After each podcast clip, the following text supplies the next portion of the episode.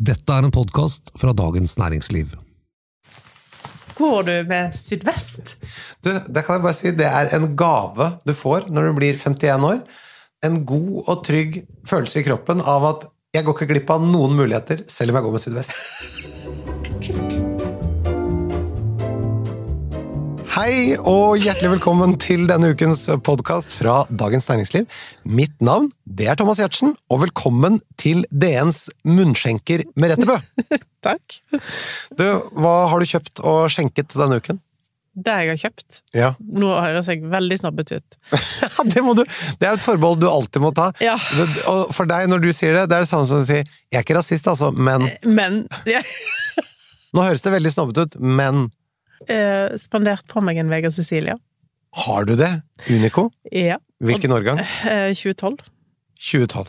Jeg hadde ikke noe Vega Cecilia, og det syns jeg var et eh, tomt eh, Tomt Det var ei tom hylle der, liksom. Den, den hyllen sto og gapte som et åpent Ja, sår, og, så og ropte jeg- Vega Cecilia. Ja. og så fikk jeg jo litt smaken, når jeg eh, smakte så mange årganger her for et par uker siden. Når tenker du at den er drikkeklar? Nei, altså, den er altfor ung enda, men kanskje om 20 år eller noe sånt. Så Nei, jeg- nei, nei, du, kan, du sa ikke du at de var ganske tilgjengelige nå? Jo, men reserve spesial er tilgjengelig. Ja. Eh, De er ikke utilgjengelige. Jeg kan, men det er et eller annet med at eh, jeg syns, når jeg smakte de eh, så mange tiår, 40 årganger, så følte jeg at 70-tallet var det beste. Og okay. det er jo lenge siden, ja, det er det. sant? Så det Ja. Ok, men, men den er tilgjengelig på polet nå, Ja.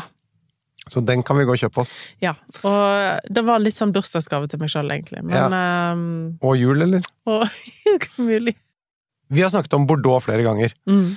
dette klassiske området i Frankrike, som lager ganske kraftige rødviner. På vestsiden av Bordeaux så er det da druen Cabernet Sauvignon som er hoveddruen, og denne druen den dyrkes veldig mange steder i verden, men hvilket hovedområde i verden syns du lager de beste vinene på Cabernet Sauvignon utenfor Frankrike? Da Et veldig enkelt spørsmål. For en gangs Det ante meg. Eh, og det må være California i USA. Vi har ikke snakket om Cabernet Sauvignon fra California i denne podkasten noen gang. Det er helt utrolig. Ja, men det er det. Jeg skjønner ikke Nei, tenkte jeg- hva, Hvorfor har vi glemt det? Men det skal vi snakke om i dag. Det skal vi. Hva er grunnen til at du liker disse vinene så godt? Du, jeg er såpass gammel, og jeg var såpass heldig at jeg har fått smakt uh, modne eh, amerikanske cabaneter, særlig fra 70-tallet og 80-tallet, før de ble påvirka av uh, de amerikanske journalistene som mente at disse her var enda bedre når de ble litt mer alkoholrike, mer konsentrerte, fikk mer kjøtt på beinet, for å si det sånn. De var veldig delikate og flotte på 70-tallet. Eh, og de lagrer utrolig godt. Og nå er det jo liksom endra seg litt, da. At de er liksom litt tilbake igjen til den litt mer eh, balanserte stilen, og 14,5 i alkohol er kanskje noe de prøver å unngå, da. Ja, altså, de har hatt en, en mellomperiode her som de lagde litt for kraftige viner etter din smak. Ja. Og det er jo det som vi har vært inne på før. Det, som du sier, det ble påvirket av vinjournalister, og da særlig Robert Parker, som sikkert mange kjente. Også Wine Spectator, Ja, som har uh, lagt hovedkontoret sitt til Napa Valley. ja nettopp. Vi har vel vært innom det før også. Det ble jo arrangert en smaking i Paris Ja. som heter Paris Tasting, Stemmer. der de da hadde eh, vinprodusenter. Veldig mange franske i panelet, var det ikke? Det var nest, jeg tror det var nesten bare franske, faktisk. Blant annet sjefen for Domaine Romané Conti fra Burgund. Og Ber- Berde Villaine. Ja, som satt i det panelet. Det skulle da konkurreres i to kategorier, nemlig da amerikanske viner og franske viner. Mm. Uh, og de to kategoriene var burgundstil på hvite viner, Mm. altså eiket chardonnay, Mm. og så var det bordeaux-stil på rødvinene. Mm. Da cabernet sauvignon, Mm. hovedsak. Og uh, der vant jo amerikanerne. Ja, begge kategoriene, faktisk. Eh, Chateau Montelena vant den eh, chardonnayen, eh, og eh, med sin årgang 1973. Og så var det Stag Sleep som vant eh, Jeg husker ikke om det var 1971-årgangen de vant med. Eh, den røde kategorien. Det, det er laget en film om det, men det der, det gjorde altså et så Må ha vært helt sånn vilt Hva skal vi si for noe innhugg i selvfølelsen til eh, Franskmenn. franskmenn, ja. Ja. Jeg har faktisk spurt den om den smakingen, eh, for han mente at han ikke var helt klar over hva han gjorde. Men han sa jo òg at eh, de amerikanske framsto veldig imponerende. Ikke sant? Om du tenker at dette her var en tid da det ikke var så mye global oppvarming i Europa, eh, så var det kanskje litt sånn kalde årganger i Burgund og Bordeaux, og de framsto litt sånn stilket, og så fikk du den der sødmefulle, kraftige, flotte frukten fra USA, som gjorde at det da ble mye mer sjarmerende og mye lettere å trekke fram. Men de trodde jo da de dømte at de hadde funnet frem til de franske oh, ja. vinnerne. Oh, ja, ja, ja. Og så ble det vel også en kåring, en konkurranseoppfølging, fordi de sa at ja, men de holder seg ikke så lenge, og så, var det, og så ble det en ny runde senere hvor det skulle være modenvin, og da vant amerikanerne da òg. Ja. Eh, og dette her eh, var jo Når dette skjedde i 1976, så var jo dette på alle forsidene av avisene i hele verden. Jeg har sett forsiden til San Francisco Chronicle, Ja. den viktigste avisen i San Francisco. Den henger i alle vineri i hele Napa Valley. Innramma i gullramma. Det altså, er det for- viktigste som har skjedd. Disse franskmennene, når du først begynner å tape, og så insisterer du på å fortsette, og så taper du Altså, det må jo være så vondt. Ja. Det som er morsomt, er at Frankrike har jo generelt sett tatt veldig mye bedre pris for vinene sine, til tross for at det, da, ved to anledninger, så har amerikanerne vist at de på en måte er bedre, da. Ever catch yourself eating the same flavorless dinner three days in a row? Dreaming of something better? Well, HelloFresh is your guilt free dream come true, baby. It's me, Gigi Palmer. Let's wake up those taste buds with hot, juicy pecan crusted chicken or garlic butter shrimp scampi. Mm. Hello Fresh. Stop dreaming of all the delicious possibilities and dig in at HelloFresh.com. Let's get this dinner party started.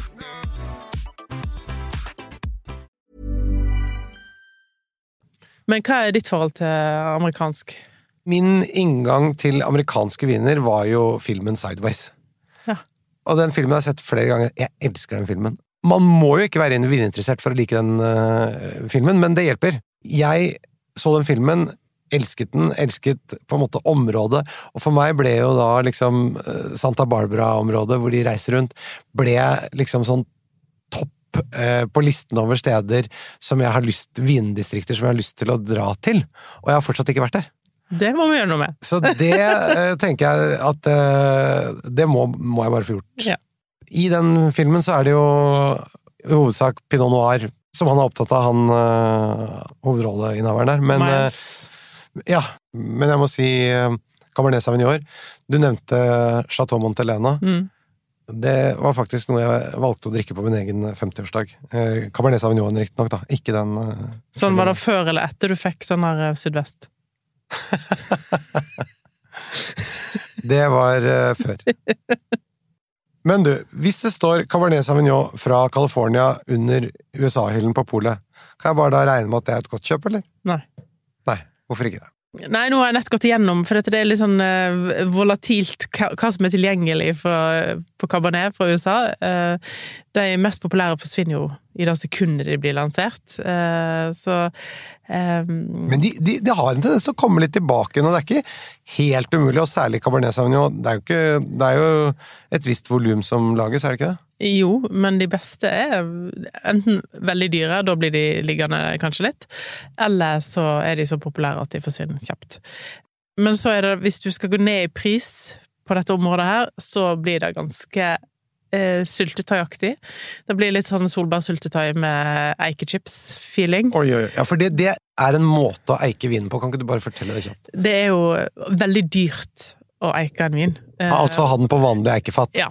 Et vanlig eikefat koster sikkert ja, Nå er vel prisen steget rundt 10 000 kroner for et vanlig eikefat. Og hvis du skal bruke det i ett år, da, som er det som mange gjør, fordi at da får du mest mulig eikesmak, eh, så er jo det en veldig kostbar investering. Ja. Eh, så hvis du da skal ha en Hvis du da er en stor kommersiell produsent, så skal lage en rimelig vin, men du skal ha litt samme følelsen av Ja, du skal ha en dyr vin. Ja. Da må du tilsette andre ting. Den kjipeste måten er å tilsette en eikeessens. Um, og så kan du tilsette eikechips, som er som en kjempestor tepose som du dupper nedi. Nettopp. Store fat. Dette Gjør de sånn som uh, Olav Thon, at de bruker teposen to ganger? ja, det gjør de helt sikkert.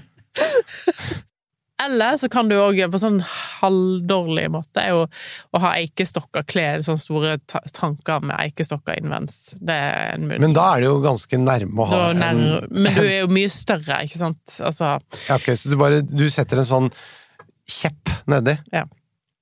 Men da- da er ikke jo så markant eik av som Ja. Ok, vi skjønner det. Så når vi betaler lite, så får vi faktisk dårligere kvalitet. Veldig ofte. Eh, Så å si nesten alltid. Og særlig med å tenke på at i USA For først er det lang transportvei, og det har ikke blitt eh, noe kortere med korona, fordi at de har veldig store transportproblemer for USA. Eh, Og det har vært Det er et ganske sterkt heimemarked som kjøper mye av vinen. Så å eksportere vin for USA og få det billig, hvis den er billig, da er det ikke spesielt mye å hygge etter. I USA så har ikke de så rigid lovverk som de har i Europa. Men eikechips, du smaker forskjell. Det er som juggel eller sånn, sånn eh, selvbruningskrem. Ja, du får en annen farge, men den blir gulrot. Ja. Ja. ja. De klimatiske og geografiske forholdene i California. Det er jo forholdsvis varmt, men det er jo en enormt stor forskjell i California hvor vinen kommer fra. Det har noe med topografien der, både med hvor høyt det er, og disse vindene som blåser opp gjennom dalen, og havet osv. Ja, og ligger du ute med havet, så er det kjølig. Eh, Stillehavet påvirker det veldig, og så er det den der tåka som gjør at det, ting blir ganske kjøligere enn en skulle tro. Eh, for eksempel sånn som i Santa Barbara, som du henviste til. Det er jo ikke så mye cabernet der, men det er jo bitte litt.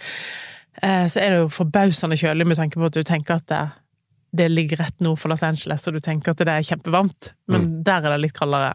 Plutselig. Eh, Napa Valley ligger jo litt innenlands i forhold til Sonoma ligger utenfor. Så Sonoma er kjøligere enn Napa Valley, og Napa Valley er ganske varmt, altså. Men hovedkjølingen kommer fra havet, og da vindene som trekker den kalde luften Ja. over landskapet og gjennom landskapet. Ja. Og så er det jo òg De som planter vinmarker høyt over havet, får jo litt utbytte av at det er litt kaldere der, men det i utgangspunktet er ganske varmt klima, med veldig store variasjoner i jordsmonn. Du, eh, California det er definert som nye verden. Ja. Hvor lange tradisjoner har de for å lage vin der? Ikke spesielt lange. tilbake til 1800-tallet. Da kom jo med Druene ble frakta over til USA med europeiske innvandrere, som eh, tok med seg druestokker og planta. Og de hadde jo vinstokker i USA, men de var ikke, det var ikke vitis vinifera, som er vår druefamilie som vi lager vin på. Det var andre druefamilier som egner seg ikke så godt til vinproduksjon, men egner seg veldig godt til, som rotstokk. Nå blir vi veldig tekniske. Ja, men, men det, det er litt poeng, for dette, det, men dette har vi snakket om i en ja. annen episode, så Ja. det kan vi ikke ta nå. Men poenget er i hvert fall at rotstokken, den delen av planten som er under jorda, så poder man da på disse europeiske plantene på den amerikanske rotstokken, fordi den, den er mer motstandsdyktig mot ø, vinlus. Ja. Ja. Men den amerikanske planten lager ikke noe gode druer, Nei. men den lager god rot. Rotstokk. Ja. Men eh, vinproduksjonen der begynte på sånn slutten av 1800-tallet, og veldig, veldig litt sånn heimslige forhold. Ikke sånn, De lagde til seg sjøl, ikke for salg.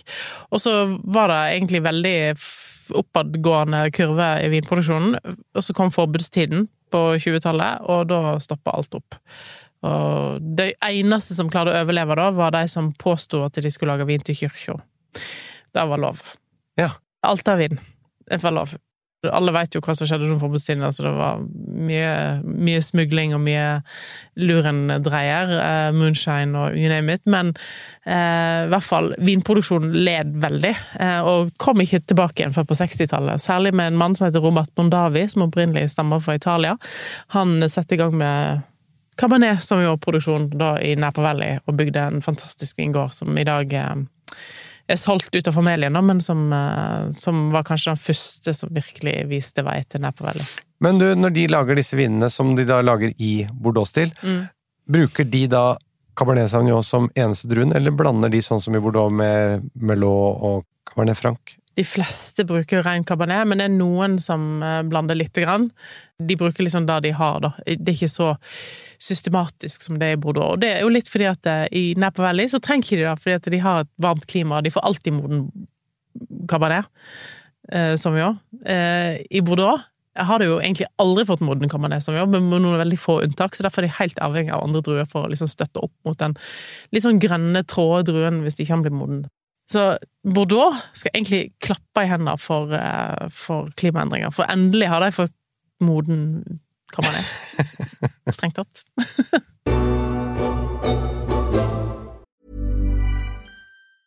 Many of us have those stubborn pounds that seem impossible to lose, no matter how good we eat or how hard we work out. My solution is PlushCare. PlushCare is a leading telehealth provider with doctors who are there for you day and night to partner with you in your weight loss journey. They can prescribe FDA-approved weight loss medications like Wagovi and Zepbound for those who qualify. Plus, they accept most insurance plans. To get started, visit plushcare.com slash weight loss. That's plushcare.com slash weight loss. Ever catch yourself eating the same flavorless dinner three days in a row? Dreaming of something better? Well, HelloFresh is your guilt-free dream come true, baby. It's me, Kiki Palmer. Let's wake up those taste buds with hot, juicy pecan-crusted chicken or garlic butter shrimp scampi. Mm. Hello Fresh. Stop dreaming of all the delicious possibilities and dig in at HelloFresh.com. Let's get this dinner party started. Hey, it's Ryan Reynolds, and I'm here with Keith, co star of my upcoming film, If, only in theaters, May 17th. Do you want to tell people the big news? All right, I'll do it. Sign up now and you'll get unlimited for $15 a month in six months of Paramount Plus Essential Plan on us. Mintmobile.com slash switch. Upfront payment of $45 equivalent to $15 per month. Unlimited over 40 gigabytes per month. Face lower speeds. Videos at 480p. Active Mint customers by 531.24 get six months of Paramount Plus Essential Plan. Auto renews after six months. Offer ends May 31st, 2024. Separate Paramount Plus registration required. Terms and conditions apply if rated PG. I dag så snakker vi altså om Cabernet Sauvignon fra den amerikanske delstaten California, og Merete, du skal som vanlig komme med anbefalinger på gode kjøp. Det gleder jeg meg til. De finner du i infoteksten til denne episoden, så det er ikke noe vits i å notere. Vi må bare gå litt sånn grundig og systematisk til verks eh, først, når vi snakker om Cabernet Sauvignon fra California. Hva kan forvente av en kvalitetsprodusent derfra? Veldig høy konsentrasjon i vinene. Og som unge så kan de være litt sånn tøffe å drikke, syns jeg ofte. Dessverre litt for høy alkohol noen plasser. Og så er det litt sånn her, hvis det har 12,5-13% alkohol, så kan du nesten være 100 sikker på at de har tilsatt vann. Det er ikke noe galt i det. Eh, jeg vil heller ha 12,5 med vann, eller 14,5 uten vann. Å ja. Hvor lavt kan de komme uten vann, tenker du? Jeg tror de sliter under 14% Mener du det? Ikke 13,5? Nei. Men en etikett med 13,5, det kan være 13,9. De kan av og til være uten vann, da. Ja, kanskje. Jeg liker ikke den tanken på vann. Nei, eh, det samme skjedde i Bordeaux. Eh, I Bordeaux i 2018 mm. Dette er en liten brannfakkel, men eh, jeg har det fra ganske sikre kilder. I Bordeaux i 2018, hvis du har 13,5, så har du tilsatt vann. Seriøst? Da hadde de målte opp mellom 15,5 og 16% alkohol i nesten samtlige viner i Bordeaux i 2018. Hvis du skal skille dem fra en Bordeaux, for eksempel? De er søtere i frukten. De bruker også amerikansk eik, eikfat, okay. som er veldig stor forskjell fra fransk eikfat. Amerikansk eikfat er en annen familie. De er litt bløtere i treet, som gjør at du får litt mer sånn vanilin, van vaniljesmak. Er det på grunn av sorten, eller av hardheten? Begge deler. Hvis de er bløtere, så slipper de ut mer smak? Ja. Nettopp. Men er det ikke no, en del av dem som også kjøper franske eikefat og Nesten alle har amerikanske eikefat. Uh, besøkte Ridge, som Ja. er kanskje en av de mest tradisjonelle som lager cabernet sauvignon. og, og en ikonisk produsent også, som er helt umulig å få tak i, apropos. Dessverre. Ja. Uh, og kanskje, kanskje den beste. Ja. I hvert fall topp tre. Ja. Eh, de har bare amerikanske eikfat. De har det, ja. Mm. Hvis du skal skille den fra en Bordeaux på blindsmaking i forhold til syre, alkohol, tanninstruktur og sånn Eh, syren er lavere, naturlig nok. Eh, alkoholen er stort sett ja, nå er det nest Dette har vi jo snakket om, det paradoksale er at fordi at de er litt uh, mer lempelige med å tilsette vann, de er nesten lavere i alkohol, i hvert fall de tradisjonelle produsentene, enn i Frankrike, da. Ja, fordi at det har blitt så varmt i Frankrike de senere årene, så de siste årgangene fra Bordeaux har høyere alkohol, og ligner sånn sett mer på amerikanske kaberneter, da. Absolutt. Er det nå nesten umulig å skille dem i stilen? Blir modningen på frukten, aromatisk modning, også annerledes? De Eller, er- eller likere, mener jeg, unnskyld? De er kjøligere fortsatt i Frankrike. I smaken. Altså, men det, det, det er helt sant som du sier, det begynner å nærme seg veldig eh, Hvis jeg går tilbake til 70-80-tallet, så var jo nesten alle årgangene fra Bordeaux litt sånn paprika og pepperaktig, som, som, som gir en indikasjon på litt umoden frukt. Men derfor vil du nesten aldri få i California. Så der vil du få litt mer sånn mørke solbærkarakter, eh, som med litt sånn, litt sånn sødmefull solbærgelé. Og lagringen på, på disse beste fra De trenger masse tid. Eh, og det er, Og det er egentlig druen, da. Det er druen. En annen favorittprodusent for meg er Dønn. Okay. Eh, og den eh, siste jeg drakk Dønn, var i eh, vinterferien. Nå drakk jeg 2002, så den var 20 år gammel. Ja. Og det er en vin som jeg føler trenger mye tid. Eh, og da tenkte jeg ja, fint, nå, kan, nå snakker vi litt her. Nå kan jeg, Denne kunne jeg ha drukket en gang til, men jeg vil kanskje si at det er fortsatt litt tidlig. Jeg husker fortsatt Dønn fra 80-tallet, som jeg syns var helt fantastisk. Så det vi er liksom på 20 år her òg, som i Bordeaux. Oi, oi. Åh, litt demotiverende hver gang du sier det, men ok. Ja, sånn er det. Men du, eh, hva koster en god Cabernet Sauvignon fra California? Hvor langt ned kan vi komme i pris? Du kommer dessverre, for øyeblikket, og veldig, veldig sjelden du kan gå under den prisen her. Eh, og dette er jo litt demotiverende òg. Du kommer ikke under, for øyeblikket, 640 kroner. Og 640, du setter så Ja, men presis. for- det er Du runder ikke opp til 650 engang? Eller 600? ja. Nei, 600. Du får ikke noe til 600. Det får du! Nei! Okay, Jeg jeg har gått gjennom alt det nå. Så. Ok, så 640 og oppover. ja, si 600, da. Greit. Nå har du nevnt Dunn, du har nevnt eh, Ridge. Vi snakket innledningsvis om Chateau Montelena, eh, som for øvrig også er tilgjengelig i modne årganger. Mm. Flere produsenter. Eh, Det kan begynne på topp, da, med tanke på pris. Ja. Opus One, som er et samarbeid mellom Mondavi og eh, Rochelle i Bordeaux. Så har de laga et eget vineri i som ser ut som sånn der flat eh, Hvit, bløt kake i betong. Fantastiske viner, men de har økt Altså, de er blitt så dyre at det er vondt. Koster okay. 6500.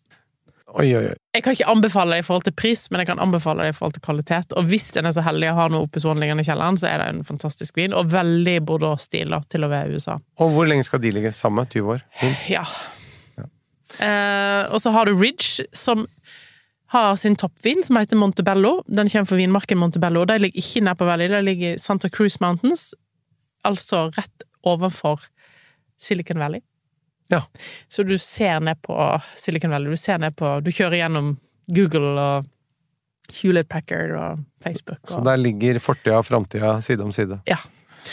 Uh, og de har Men det beste kjøpet jeg kan forestille meg, er jo Ridge in Cabernet Sauvignon Estate, som er deres liksom andre vin fra Cabernet Sauvignon-vinmarkene sine.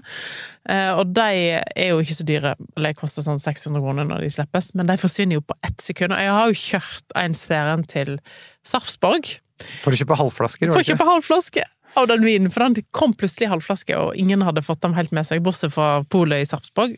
Da gjorde jo jeg noe mer, reiste og kjøpte tolv halvflasker. Ikke sant? Det er jo genialt! Ja, ja, så kan du leke at du er på hotell òg. Ja. Sitte på Minibar. Ja.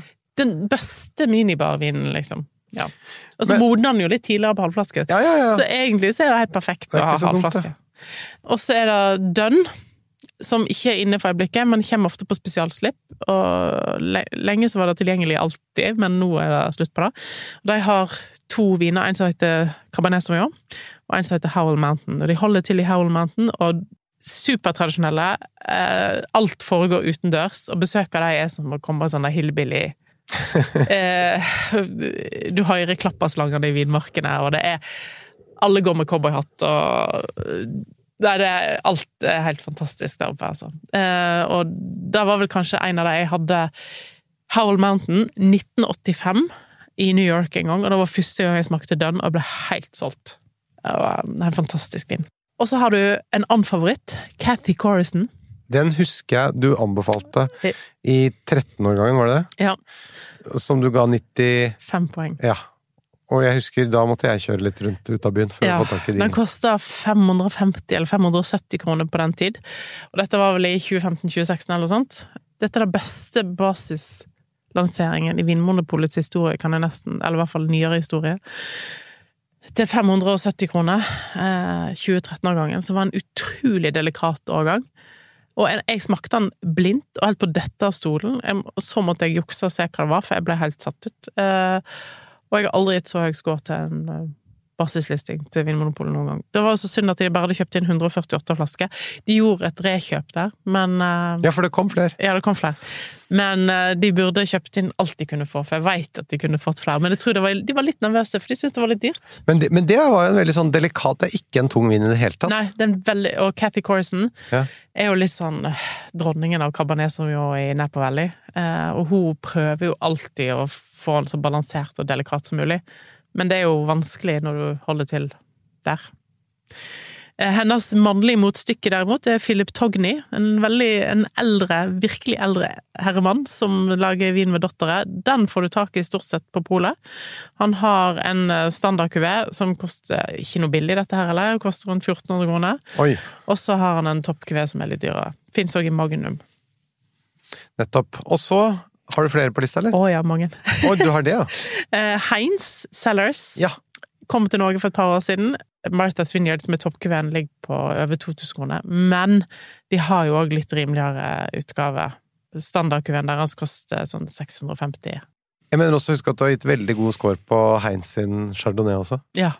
Og så har du Stag Sleep, Ja, som vant eh, The Paris Tasting i 1976. som fortsatt lager bra vin. Ja, de har faktisk en av de beste kjøpene. Den har økt litt i pris, men den koster 700 kroner høyt til Artemis.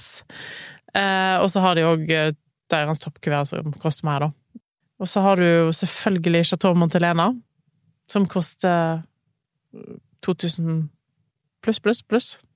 Ja. Alt etter hva du velger. men som jeg sa, det er litt kult at de selger eh, moden årgang. Hvis du, hvis du har lyst til å smake hvordan det smaker modent, så er det vel mulig å få tak i 2005 eller 2006 nå. Mm, Og det er godt. det er godt, men det er dyrt. Ja.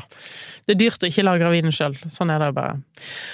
Og så har du jo to andre Bordeaux-slott som har òg investert i USA, blant annet Moix, som holder på østsiden i Bordeaux, som eier Petrus og sånne ting. De har eh, en produsent i USA som heter Dominus. Og eh, Latour, Chateau Latour i Poyac i Bordeaux, har da ei selv, som er da deres amerikanske motstykke, da. Eid av Francois Pinot, eh, gift med Salma Hayek, og eh, en av Frankrikes rikeste menn. Men du, eh, Dominus.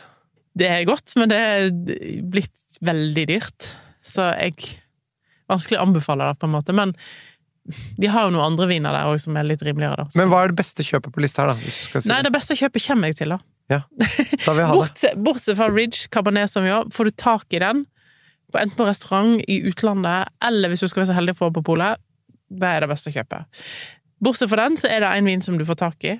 Jeg veit jeg anbefalte den før, jeg husker ikke hva til, men Mathiasen Nemlig. Cabernet Sauvignon koster Ja. 635 kroner.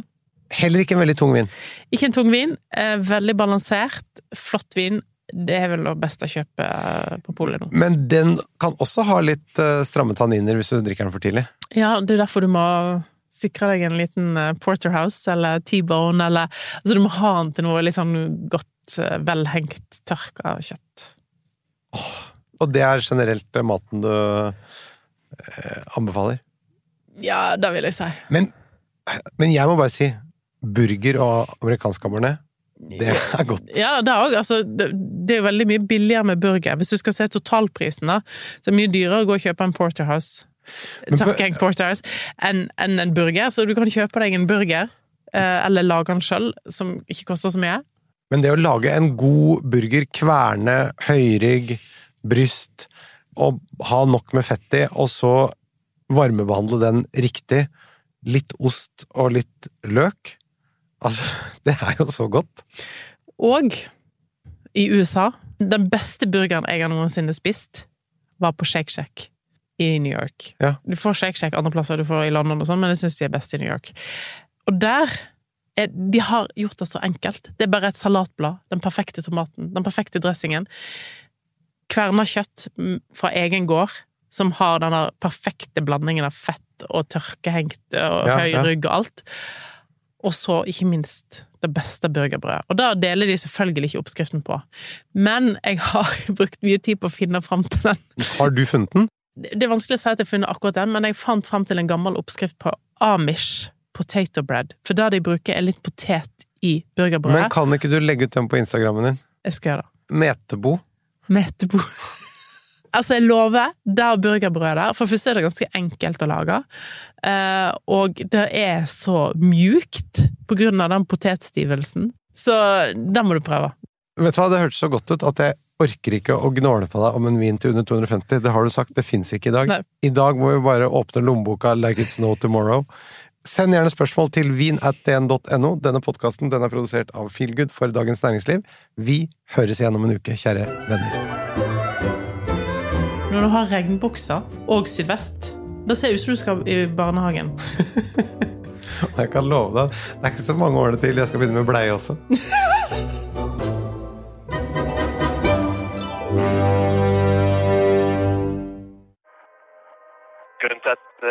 jeg ringer deg nå, det er at vi er bekymra for hvordan du har det. Ikke det et selvmordsforsøk eller en gisseltagning. If I get the money and the car, I uh, set the hostage free. Gjør politiets krise- og gisselforhandlere alt i sin makt for å hindre at mennesker skal dø. Hør podkasten 'Forhandlinger på liv og død' fra Dagens Næringsliv.